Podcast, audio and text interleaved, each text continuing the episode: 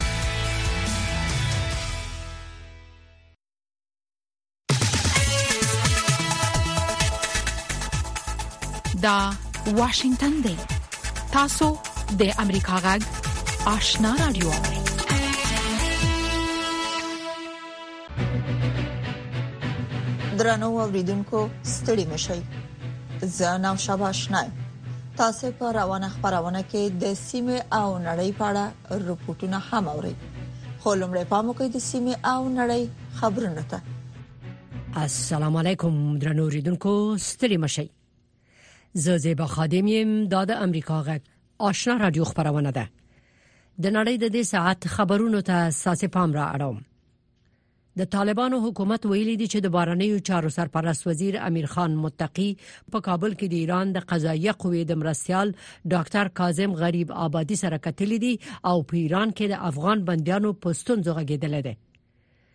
د طالبانو د بارنیو چارو وزارت په اعلامیه کې ویل شوی دی چې په دې کتنه کې د زندانیانو د ستونزو په حل د زندانیانو د استرداد د موافقه په عملی کولو په اعدام محکوم شو افغانانو ته د بدیل میکانیزمونو په پیدا کولو او د افغان مهاجرینو د نور ستونزو په حل خبرې شوې دي ایرانی چارواکو په ایران کې د افغانانو د زورونې د مخنیوي لپاره د زنو اقداماتو ژمنه کړې ده د ملګرو ملتونو د مهاجرو عالی کمشنرۍ پر روان 2023م کال کې په ایران او پاکستان کې د افغان مهاجرو سره د مرستې لپاره د نړیوال ټولنې نه 620.4 میلیون ډالر بودیجه غوښتې ده د دې ادارې د اټکل لمخې په ایران او پاکستان کې 1.1 میلیون افغان مهاجر اوسېږي د کمشنري ویلي دي چې د 2023م کال د اکتوبر په میاشت کې د پاکستان نه تر اوسه پورې 1500 زره افغان مهاجر افغانستان ته ستانه شوي دي په دې اخر وختونو کې د پاکستان او ایران نه د بې اسناد افغانانو د ایستلو لړۍ ګړندې شوې ده په افغانستان کې د خبريالانو مرکز وایي چې د جاپان کیردو خبري اژانس خبريال احسان اکبري نیول شوی دی دغه مرکز د یک شنبه په ورځ په خپل خبرپاڼه کې د طالبانو د استخباراتو نغښتې دي چې د هواد د مطبوعاتو قانون ته درناوی وکړي او د خبريالانو د ځپلو نه لاس واخلي او احسان اکبري خوشي کړي د سیمې او نړۍ خبرونه د امریکا غږ آشنا رادیو نه اوري په چمن کې د روان مظاهره یا پرلط مسؤلانو ویلي دي کاغښتنې ونه منل شي د خړو اعتصاب کوي دوی ویلي دي د پاکستان ملکی او پوځي چارواکو یې تر اوسه غوښتنو ته پام نه دی کړی د خبر تفصیل تاسو تاسو پام را اړوم د پرلت یو مشر غوث الله ویلیو 50 کسان به د جنوري له شلمې نه په چمن کې د ملیشه ځواک د مرکز مخې ته تر هغه وخت پورې د خړو اعتصاب وکړي چې د پاکستان حکومت غوښتنې نه یې منلې خو د سخکاري چې د غیتصاب لا رسمن پیل شوی نه دی د دې پرلا چې نن درې میاشتې پوره شوې یو بل غړی وای د چمن د دروازې د تړل کېدو لکباله په دواړو غاړو کې عام خلک او تجاران زیانمن شوي دي په چمن کې د تګ راتګ دروازې ته چیرمه زرګونه کسان د 2023 کال د اکتوبر ل 21 مې رئیسې د احتجاج په ډول ناشتي او غواړي چې پر دې دروازې د پاسپورت او ویزې پرته تګ راتګ وکړي شي د بلوچستان د اطلاعاتو سرپرست ایالتي وزیر جان محمد اڅکزي یو هفته مخکې په کوټه کې خبري غونډه ته ویل چې افغانستان ته د تګ راتګ لپاره هیڅ څوک به پاسپورت او بي ویزه تګ راتګ نشي کولای ناشاباشنا امریکا غاک واشنگټن د هند د اتر پردیش په ایالت کې چارواکي تیاری نیسي چې د هندو مذهب یو ستر معبد پرانیزي ټاکل شوې ده چې صدر اعظم مودي په خپل دغه معبد پرانیزي دغه معبد سبا ته د ایودیا په ښار کې پرانیزل کیږي د هندو مذهب ډیر پیروان ادعا لري چې رام د ایودیا په ښار کې زیږیدل وو دا ستر معبد په هماغه ځای کې جوړ شوی چې په 14مې پیړۍ کې پکې بابوري جماعت وو د سیمې او نړۍ خبرونه د امریکا غږ د واشنگټن د استودیو نه نشریږي د سعودي عربستان د بارانیو چارو وزیر فیصل بن فرحان په سری بهیري کې د کړکېچ په زیاتېدو اندېښنه خوده ده خاغلی فرحان سی ان ان سره په مرکه کې ویلي دي اندېښنه یې دا ده چې د امریکا او حوثیانو حمله به د کنټرول نه ووځي او په سیمه کې به نښته پراخ شي حوثي وسلوالو چې ایران ملاتړ کوي په دې وروستیو هفتو کې په سری بهیره کې په بیړیو د توغندیو او بي پیلوټه الوتکو بریدونه کړي دي او لدې کبله د اسیا او اروپا ترمنځ نړیواله سوداګري هم ځانمن شوې ده امریکا او برتانیې په جواب کې د حوثیانو په مورچو بریدونه کړي دي د ملګرو ملتونو عمومي منشي انټونیو ګوتیریش د خپلواک فلسطیني هوار باوجود ویلي دي چې د مستقل دولت د پاره د فلسطینیانو د خلکو د حق نه انکار د منلو وړ نه دی کتیرش پرون د ناپیلتوب د غورزنګ د غړو هوادونو په غونډه کې چې په یوګاندا کې دایره شوې و ویل دي د دوه هوادونو یعنی د اسرایل ترڅنګ د فلسطینیانو د پاره د یو خپلواک دولت د جوړېدو د حل نه انکار منل کېدل نشي او د فلسطینیانو دغه حق باید ټول لوري پر رسمیت پیژني د اروپאيي اتحادیې د بارنۍ پالیسي رئیس جوزف بورل هم د جمعې په ورځ د دوه هیوادونو په حل ټینګار کړی وو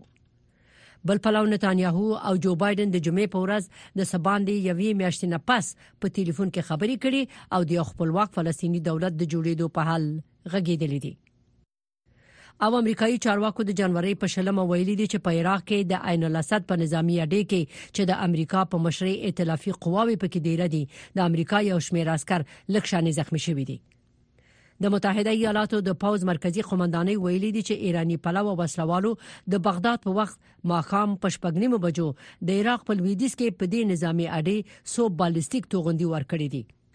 په اعلامیه کې همدارنګه ویل شوی دی چې ګڼ شمېر توغندي شن کړي دي خو ځنې په اډې کې دننه لګیدلې دي د ویتنام د مطبوعاتي راپورټونو لمخې ویتنامي چارواکو د جنوري په شلمه قریب سل کسه د تروریزم په تور بندیان کړل دا کسان په دې تورن دي چې د تیر میلادي کال د جون په میاشت کې د دې هیواد په مرکزی برخه کې د پولیسو په مرکز په وسلوال برید کې نه تر وژلي د ویتنام په کمونیستي واکمنۍ کې دا برید په تیر کال کې یو بې ساري برید وو په دې پنځه ورځنۍ محاکمه کې لس کسه په عمري بند محکوم شوې دي نورو نوي کسانو ته د نهونه تر شلو کلونو پورې د بند سزاګانې اورول شوې دي اته نوي تنه په تروریزم تورن شوي یو تن جنایتکارانو ته په پناه ورکولو او یو بل کس غیر قانوني مهاجرینو ته د سہولتونو په برابرولو تورن شوی دی زیبا خادم امریکا غږ واشنگتن د سیمه او نړۍ خبرونه واوریدل په موقع د سیمه او نړۍ په اړه رپورټونه ده د طالبانو د حکومت د بهرنیو چارو وزارت چارواکو او د ایران د قضایه قوې د مرستيال په مشرۍ یو پلاوی د ایران په زندانونو کې د افغان بندیانو د وضعیت، د دواړو هېوادونو ترمنځ د بندیانو د سپارلو د موافقې او په دغه هېواد کې د مېشتو افغان کډوالو په ستونزو خبرې کړې دي. د سیاسي چارو ځینې کارپوهان وایي چې ایران عدلي او قضايي ادارې هڅه کوي د افغانستان په قوانینو کې د جعفري فقه اړوند مسلو په اړه د طالبانو سره خبرې وکړي. په دې اړه نور تفصیل د اکرام شینواری په رپورت کې اورئ د طالبانو د حکومت د بهرنی چارو وزارت مرستيال ویاند ضیا احمد تکل د شنبې د ورځې نا وخت رسنیو ته په وسولي پیغام کې ویلي چې د ایران د قضایه قوی مرستيال کاظم غریب آبادی په مشر یو پلاوی کابل ته سفر کړي او دغه وزارت د سرپرست مولوی امیر خان متکی سره خبرې کړي د هیواد پر روان سیاسي امنیتي او اقتصادي وضعیت یې رڼا واچوله او د دواړو هېوادونو تر منځ د زندانیانو ستونزو ته د رسېدو، د زندانیانو د استرداد، د موافقت نامې پلي کولو، په اعدام محکومو شوو افغانانو ته د بدیلو میکانیزمونو په پیدا کولو او د افغان مهاجرینو اړوند حقوقي او جنایي برخو کې له یو بل سره د همکاریو ترسره کولو مفصلې خبرې وکړې. ضیا احمد تکل ویلي چې په دې کتنه کې مولوي امیرخان تکي په ایران کې د افغان بندیانو د وضعیت د ارزونې په موخه د افغانستان د سیاسي او کونسلي استازوالیو لخوا د زندانیانو سره د کتلو او په دغه هیواد کې بندي افغانانو ستونزو ته د لاسرسي د زمینې د مساعدولو غوښتنه هم کړې د طالبانو د حکومت د بهرنیو چارو وزارت د مرستیال ویاند د څرګندونو له مخې د ایران د قضیه کوي مرستیال غریب آبادي د دې غوښتنې په اړه ویلي نوموړي په ایران کې د افغانانو د شکنجې په اړه وویل چې موږ په دې برخه کې خورا جدي موقف لرو او د لازمې همغږۍ او معلوماتو شریکولو په مرسته به په راتلونکي کې لازم اقدامات ترسره شي. د ایران دولتي خبري اژانس ایرنا کابل ته د کاظم غریب ابادي په مشرۍ د پلاوي سفر په اړه ویلي چې دا سفر د طالبانو حکومت د قضایه شورا د رئیس په بلنه شوی دی. ایرنا د غریب ابادي او متقي د کتنې په اړه ویلي چې دواړو خواو په دې کتنه کې د یو لړ موضوعاتو په اړه لکه تروریزم او د تبکیري ډلو سره د کلکې مبارزې او په دې برخه کې د ګډي قضایي کمیټې جوړیدل افغانستان ته د ایران د قضایي تجربو انتقال د محکوم شو انتقال او د مجرمانو د استرداد اړو مسلو باندې خبرې کړې د طالبان حکومت د تیر 2023 کال د سپټمبر د میاشتې په سر کې ویلو چې د ایران د حکومت د قضایي یو پلاوی په دغه هیواد کې د اعدام په سزا د محکوم شو افغانانو د سیو د ارزونې لپاره کابل ته سفر کوي د ایران په زندانونو کې د اعدام په سزا د محکوم شو افغانانو د برخلیک په اړه د وګړي مودي رئیس د افغانستان او ایران ترمنځ خبري دوام لري په پخواني جمهوریت رژیم کې هم په دې مسله د ایراني چارواکو سره خبرې شوې خو تر اوسه په دې برخه کې کوم پرمختګ نه دی شوی د ایران په زندانونو کې د بندي افغانانو د کیک شمیر څرګند نه دی خو د ایران د بهرنی چارو وزارت د کنسولي چارو عمومي رئیس د تیر 2023 کال په وروستیو کې د دغه هیواد په زندانونو کې د افغان بندیانو شمیر شپږ زره خوده د سیاسي چارو یو افغان کارپو احمد سیدی وایي چې ایران هر یو کزي اداري پلاوی د طالبانو د حکومت چارواکو سره د جیپری پکې پاړوند مسلو د خبرو لپاره کابل ته تللی وی هیئت ایرانی که میغه برمیگرده به مسئله فقه جعفری و فقه حنفی شما میفهمید که در ایران فقه جعفری را مروج است در افغانستان طالبان فقه جعفری را منع کردن هیئت ایرانی به این خاطر میآید که به طالبان افغانی قناعت بده که فقه جعفری که مردمان شیعه به او پابند هستند ای را هم شما مراوات کنید و اجازه بتین و قناعت دادن میخواهید د طالبانو حکومت د بهرنی چارو وزارت سرپرست د ایران د قضیه کوی د مرسیال سره د ایران په زندانونو کې د افغان بندیانو په ځانګړي ډول د اعدام سزا سره د مخ بندیانو د وضعیت په اړه دا خبرې په داسې حال کې کړي چې په ناروې کې دیره د ایران د بشري حقوقو سازمان ویلي چې د ایران قضیه کوی د پنځشنبه په ورځ د یو افغان په ګډون دوه تنه د رشت په زندان کې اعدام کړي دي دغه سازمان په خپل انټرنیټي پاڼه لیکلي چې یو افغان صلاح الله بخش او یو ایرانی حمید عبادي نژاد د نشي توکو د اړوند جرمونو په تور اعدام شوی دی د ایران بشري حقوقو سازمان ویلي چې په تیرو درې کلونو کې په دغه هیواد کې په لپسې ډول د نشي توکو اړوند تورونو باندې د اعدام شوو بندیانو شمیر زیات شوی دی انتظار پای ته ورسید ترنو لیدونکو او اوریدونکو تاسو کولی شئ د امریکا غا ټلویزیونی او رادیوي خبرونه د یاشر ساتلایت له طریقو وګورئ او واورئ د نوي ساتلایت لارې تاسو د آشنا اتصال او کاروان ټلویزیونی خبرونه کتلای هم شئ د امریکا غږ د افغانستان څنګه خبرونه په 309 پټ چنل او د آشنا رادیوي خبرونه په 309 پټ چنل کې اوریدلای شئ لملتيامو د تل پشان مننه تاسو زموږ غږ د واشنګټن د سټډیو نه اورئ. افغانان د جرمني د ګڼ میشتي ښار کولن د نفوذ د پام وړ برخه ده. په دې ښار کې یو داسې افغان مدافع وکیل هم شته چې د نورو کډوالو افغانانو د قضیو د حل لپاره هڅې کوي. هیلۍ اسد پرې رپورټ لري. یما سید دوه کلن و چې له خپلې کورنۍ سره جرمني ته کډوال شو. نوموړی له ګڼو هڅو وروسته وتوانېد چې مدافع وکیل شي او د خپلو کډوالو هېوادوالو د حقونو او په جرمني کې د ښه راتلونکي په اړه هڅې وکړي. بیا وایي، کله چې پنځه کاله وړاندې د وکالت د پایلې لپاره لوړه کوله، نو دی په دې لوی ښار کې لومړنی افغان و چې فکر یې کاوه په خپله مورنۍ ژبه به د نورو ستونزې اوري. د کډوالۍ د قضیې ثبتولو لپاره راغلی دا افغان چې نه غواړي نوم او څېره یې په ډاګه شي وايي، خوشاله دی چې د خپلې کډوالۍ ستړې کیسه په خپله مورنۍ ژبه یو بل کډوال افغان ته وايي. یما سعید بیا وايي، دا ورته مثبته انرژي ورکوي چې له خپلو کډوالو افغانانو سره مرسته کوي. زموږ دا د ژبې مشکلات په یو په مابینځ کې نشته، دوی غریبانان چې ولاړ شي الماني وکیل سه یا ترکي وکیل سه یا بل چا سه د دوی د ژبې مشکلات دی، دوی ته هغه اصل مشکلات چې دوی لري دوی ته نشي وړاندې کولی، دا مشکلات بیا زموږ نشته، نو موږ په خپل مورنۍ ژبې یو بل سه خبرې کوو، دا یو ګټه ده. بل ویزه ده چې هغه به تاته به هر څه وي هر څه چې په زړه باندې دي هغه شی ویل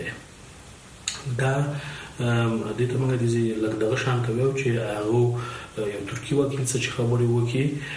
یا الماني وکیل څخه بل وکیل څخه خبرې وکي دا ټول زړه راز دوت نشي ویل دا یو پلس یو مهم پوینټ دی زه کوشش کوم هر څومره کوشش چې کیږي هر څومره چې زه د قانون استفاده شم کوله او هر څومره ثبوت چې زه شم خودل هغه کوم دا زما مسولیت دی د وکیل خو زه جادوګر نیمه زه اصل د قانون استفاده شم کوله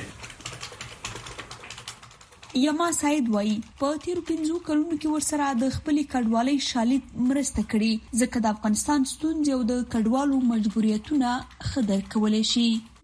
نو زه دا خپل د پلار مشکلات د هغه وخت، زما د ترونو مشکلات نو د هغه وخت، زه په دې خلکو خبرو کې پي ته اينمه نو بیا ورسره زه کومک شم کولی یا کوشش کومه چې کومک ورسره وکړم. جرمني ته چې هر کال په زرګونو افغان کډوال په غیر قانوني لارو دننه کیږي او له کلونو وروسته خپل عادي ژوند پیلوي، ډیر کم په کې د یما سعید په څیر توانیږي چې مسلکي زده کړه او کار وکړي او نورو کډوالو افغانانو ته یې هم خیر ورسیږي. خو یما سعید غواړي چې نور افغانان هم د نوموړي په څیر هڅې وکړي او پر ځان باور ولري. هیلۍ اسد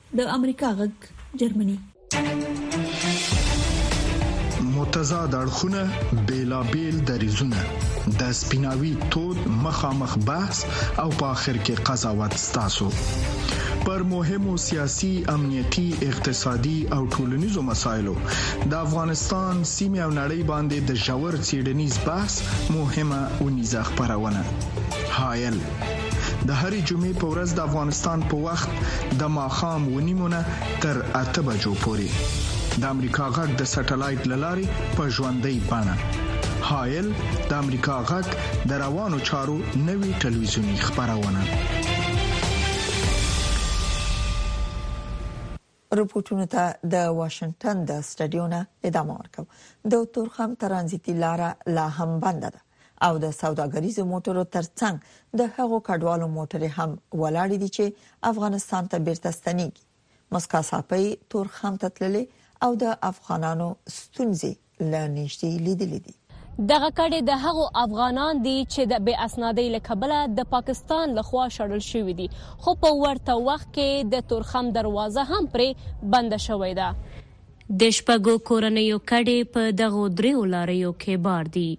د نهو ورځو راهیسې د لنډي کوتل په دې ډاګ کې څار دي او کورنۍ یې د پولې ورهاخوا اوښتي دي. زموږ کډه او ټول خلک رسېدي افغانستان کې او سامان هم دلته ګیر دی، ګېټ بند دی او پرېږدي هم نه. بس دغه مشکل دی نو چې پرېمږدي ښه وي. دغه ځوان چې رحمت الله نومېږي وايي، د پولیسو له وېرې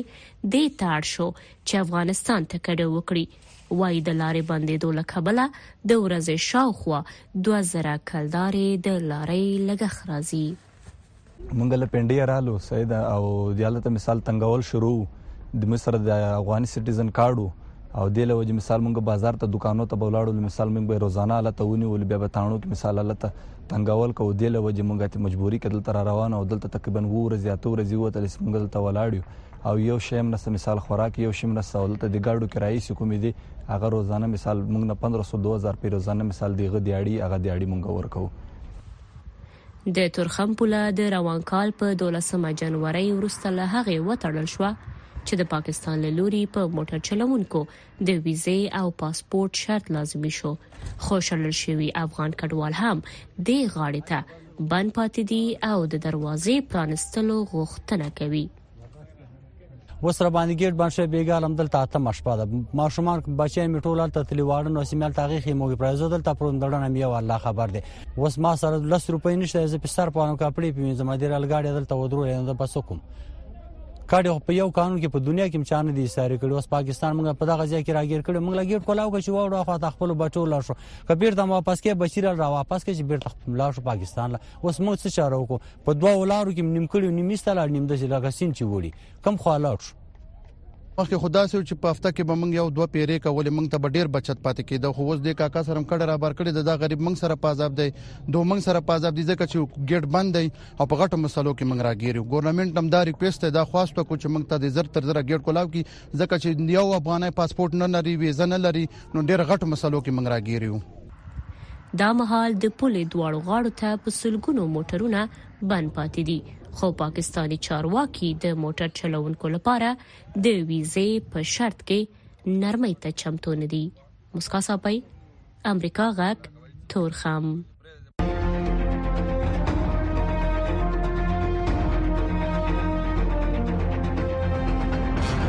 اتصال زموږ او ساسي پیوستون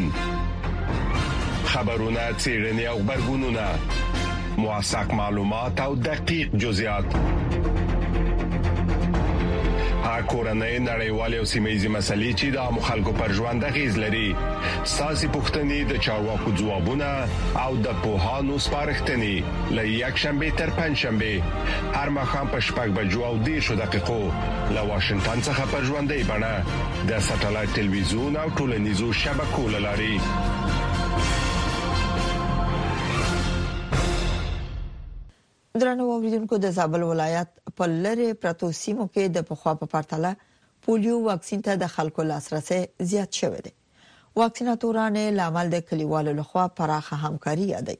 او له خلکو غواړي ترڅو په ټولو سیمو کې د ګوزن ناروغي په ختمولو کې خپل هڅې زیاتې کړي فرشته هوتکي په اړه رپورت لري په زابل ولایت کې پخوا د ګوزن ناروغي زیاته وه او ډیری ماشومان د پولیو واکسین څخه بې برخې پاتې و اوس دغلته د خلکو او واکسیناتورانو ترمنځ زیاته همکاري د دې سبب ګرځېدلې ترڅو د هغه ماشومانو په شمیر کې زیاتوالی راسي چې واکسین ورته تطبیق کیږي د زابل په خاک افغان ولسوالۍ کې د پولیو واکسیناتور سمیع الله وایي دغلته د پولیو ناروغۍ د دوو نویو محیطي پیښو په ثبتېدو سره اوس خلک زیاته هڅه کوي ترڅو خپلو ماشومانو ته د پولیو واکسین تطبیق کړي د ده په خبره چې د تېر په پرتله له پولیو واکسیناتورانو سره د خلکو همکاري نوي سلنه زیاته سوې او ډېر وګړي اوس خپله خپل ماشومان د ګوزڼ واکسیناتورانو تر ټیمونو پورې رسوي. تر پخوا خلک خپل ماشومان ډېر واکسینوي او د لیرو پرتو سیمو لپاره چې په دې چې خلک خپل ماشومان واکسین کړي هغه په زابل کې دوې نوي پېښې ثبت سوي دي چې خلک دې ته اوس خپل ماشومان واکسین کړي. نوي سلنه د د واکسیناتورانو سره د خلکو همکاري زیاته شوې ده. نوي سلنه اوس تقریبا خلک خپل ماشومان واکسینوي او هر سړی خپل ماشوم خپله واکسیناتورانو ته راولي چې واکسین یې کړي. همداراز د زابل ولایت د عامې روغتیا ریاست اړوند معافیت کتلوي مسؤل مولانا عبدالغني ویلي، هڅه کوي ترڅو د پولیو واکسین په زیاتو کمپاینونو سره ټولې سیمې له پولیو وایروس څخه پاکې کړي.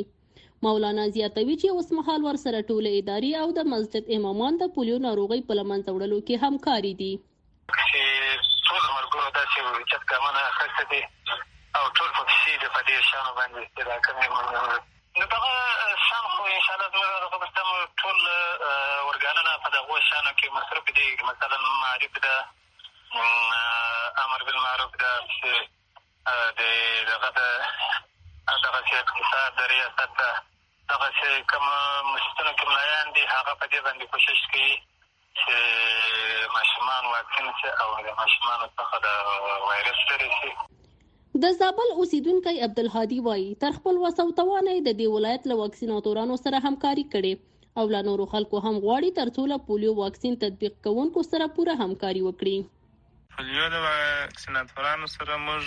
ډېرې همکارۍ کوو لکه نسبت د پخوا ته چې څونې همکاري موږ اوس د دوی سره کوو پخوا غونې همکاري نه وه هغه خپل ماشومان ورته راباسو نور هغه کم د دوی سره چې زموږ همکاري په وسه پرایي مرسته مو په وسه پرایي هغو ورسره کوو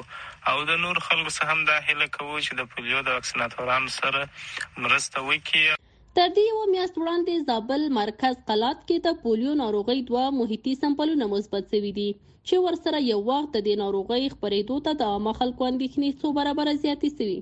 فرشته هوتک امریکا غږ طالبانو د افغانستان له دننه د امریکا غاټ راډیو خبرونه درولې دي خو امریکا غاټ په پوره شمنتیا خپل افغان اوریدونکو ته په پښتو او دری ژبه د کارا باوري او هر اړخیزو خبرونو په خبرولو د افغانستان له بهره په 902 کیلو هرتز منځنوي سپو خپل خبرونه ته دوام ورکړي د دې ترڅنګ تاسو کولی شئ چې زموږ پښتو خبرونه په لاندو چپو هم واورئ پښتو سهارنې خبری خبرونه پر 2290.0 چپو اوریدل شي ما خبرنې پښتو خبرونه په 2140.0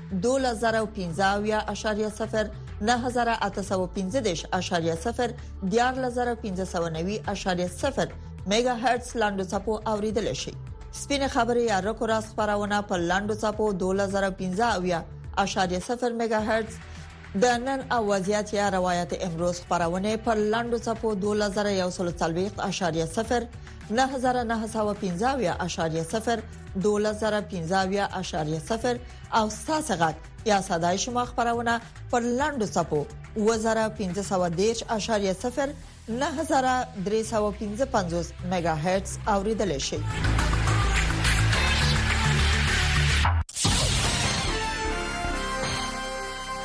درنو اوریدونکو دا د اوس په یو سرمقاله ووري چې د امریکا د حکومت نظر څرګندوي د متحده ایالاتو د بهرنی چار وزیر انټونی بلینکن د نړۍ د اقتصادي فورم په سرمشريزه کې چې د سویټزرلند په ډیویس ښار کې جوړه شوې وه، په خپلې وینا کې اعلان وکړ چې خاوره نن سبا د ډېرو هغو حل طلبو ستونزو ریښه او جړله ده چې موږ ټول ورسره د ملي امنیت په برخه کې مخامخ یو. بلینکن زیاته کړه چې له ښې خاورې نه په غیر فصلونه ناکامېږي، نرخونه لوړېږي او خلک وږي کېږي.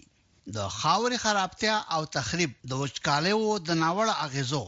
د سیوا کېدو سبب کېږي، سېلابونه راوځي او د اقلیم د بدلون اړوند خراب موسمي حالات رامنځته کوي، د فصلونو حاصلات لا زیات کمېږي او د خوړو کمبود له بد نه بدتر کېږي. دا وخت اووه سوه میلیونه خلک په دې نه پوهېږي چې سبا ته به د خوراک لپاره په کافي اندازه خواړه ومومي او که نه، له همدې کبله متحده ایالات د دې ناورین د رفع کولو او له هغو اړو خلکو سره د مرستې په خاطر کار کوي چې تر ټولو زیات اغېزمن شوي دي. بلېنکن وویل، د متحده ایالاتو حکومت د دوه زره یوویشت میلادي کال له جنورۍ راهیسې د محتاجو خلکو د ژوند د بقا په موخه اوولس اعشاریه پنځه میلیونه ډالر ځانګړي کړي دي. او موږ ویاړو چې د خوړو د نړیوال پروګرام یا ډبلیو ایف پی د ټولې بودیجې دریمه برخه تمویلوو. همدا راز متحده ایالات د بهترو، زیاتو پیاوړو او مقاومو فصلونو په خاطر ملګرتیا کوي او واقعاً چې د متحده ایالاتو د کرهڼې وزارت د اقلیم د بدلون، د تجدید ماموریت نوښت د متحده عربي اماراتو سره په همکارۍ د کمزورې شوې زراعتي مځکې د بیا رغونې او له خاورې نه د کاربن د وتو د مخنیوي لپاره اوولس میلیارده ډالره پانګه برابره کړې. همدا راز متحده ایالاتو له افریقايي یووالي او د خوړو د نړیوال سازمان په ملتیا یو نوی پروګرام په لاره اچولی چې د اصلاح شوو فصلونو او خاورو د دید یا وی آی سی اس په نوم یادېږي بلینکن دغه خبره تشریح کړه او ویل دا پروګرام د متحده ایالاتو د نړیوال پراختیا د ادارې یا یو اس ای آی ډي د اصلي نوښت چې د فیډ د فیوچر یا پراتونکو کې خلک ماړه کړی د پروګرام برخه ده د متحده ایالاتو د بهرنیو چارو وزیر ویل دا په نړۍ کې د خوړو د نه مسؤلیت په وړاندې زمونږ د جامع ځواب برخه ده او کوم اپروچ یا روش چې مونږ په دې اړه غوره کړی دوه اړخونه لري چې په حقیقت کې په دوو بنیادي شیانو کې خلاصه کیږي لومړی دا چې مونږ د ځمکې په سر پانګونه کوو هغه وطني او اصلي افریقایي تخمونه مومو چې د خورا زیاتې تغذیې قابلیت لري او د اقلیم د بدلون په وړاندې زیات مقاومت ښیي. دغه ډول ډول تخمونه له اصلاح کېدو وروسته نړۍ ته عرضه کوو. په عین وخت کې موږ د ځمکې لاندې هم پنګونه کوو، نقشې یې کاږو، خوندي یې ساتو او په دې ترتیب د کرهڼې لپاره سالمې خاورې چمتو کوو. بلېنکن وویل که په سمه توګه دغه کار وکړو او مناسب تخم ومومو او که خاوره مو هم په سمه توګه چمتو کړه نو په حقیقت کې به مو د راتلونکي وخت لپاره د کرهڼې بنیاد او بنسټ په سمه توګه ایښی وي. بلېنکن وویل چې په نړۍ کې ډېر کم شیان داسې دي چې د بشریت لپاره په دې اړه له سوچ کولو نه به زیات مهم وي چې دا سیاره یعنې ځمکه څرنګه سرسبزه کړو تر څو دا قابلیت او توان پیدا کړي چې موږ ټول ماړه وساتي او له ولږې نه مو خوندي کړي. بلېنکن زیاته کړه چې موږ د دې فرصت لرو چې د یوې دوامداره راتلونکې لپاره، د کار کولو تر څنګ نن په بهتره توګه د خلکو لپاره خواړه برابر نن او وضعیت د نړۍ سیمه او د افغانستان پر روانو چارو او د ننني وضعیت په حق لا خبرونه راپورټونه مرکه او تحلیلونه هر شپه نه بجې د امریکا غږ آشنا رادیو نه اوري